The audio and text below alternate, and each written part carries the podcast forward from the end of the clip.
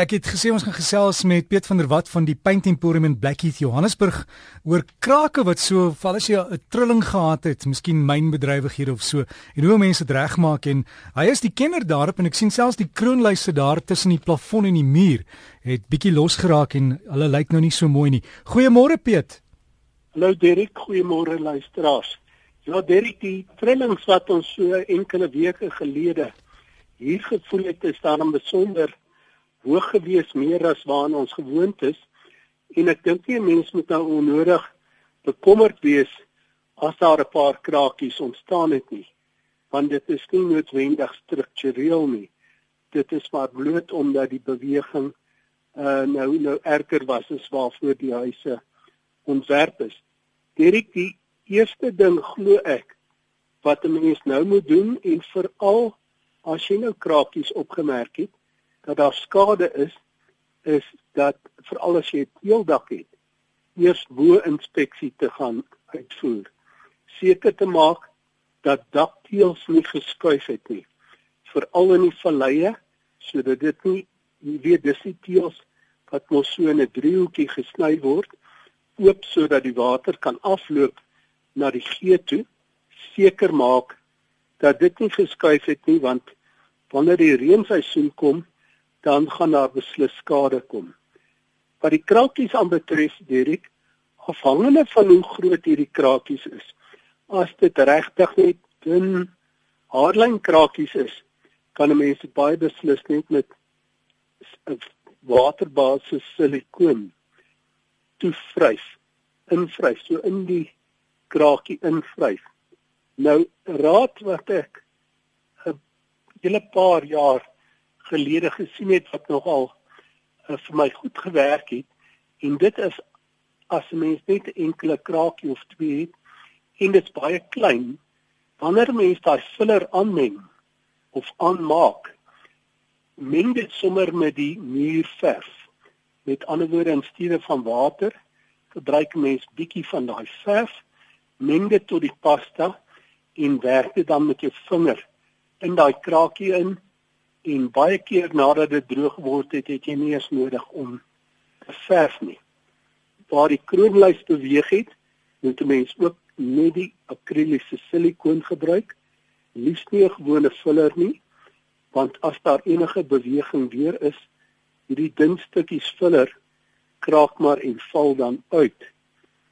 As die plafon effens gesak het, moet 'n mens hom maar terugskroef. Ek glo nie dat 'n mens enige spykers op die plafon moet gebruik nie.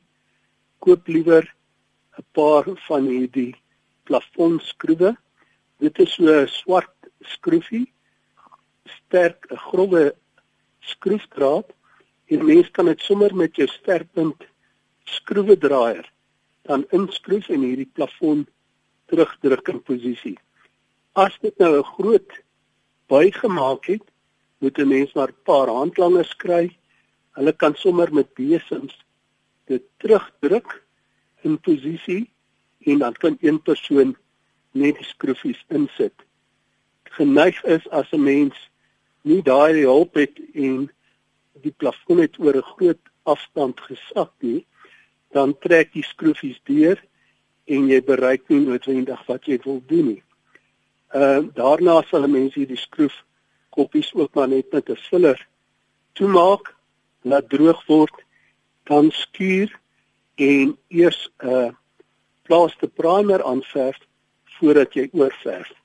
Dirk as daar nou 'n bietjie ernstiger krake is, moet 'n mens dit maar in 'n vee groef oopmaak. Met ander woorde dat hy weier na buite toe, dunner na binne toe, dit met 'n droë verf kwas mooi uitbolsel sodat al die los sand en die stof uitkom. Dan verf 'n mens 'n bietjie plaaste primer daarin of as jy damp seal het, dit daarin laat dit droog word en vul dit dan met 'n baie goeie filler. Ek hou van Coprox se waterproof crack filler. As daar krake buite is, is daar 'n produk op die mark wat genoem word Mendel soos Mendol 90. Dit word deur Polycell gemaak Dis 'n baie baie goeie filler want hy word nie alleen hard nie, maar hy het 'n bietjie meer rekbaarheid as die gewone fillers wat 'n mens kry. Uh, sy nadeel is natuurlik 'n mens kan hom nie baie maklik skuur nie. Hy word baie hard, so dis moeilik om hom te skuur. Binnekant ook as mens krakies reggemaak het met 'n filler, onthou altyd eers 'n plaaster primer voordat 'n mens begin met die verf.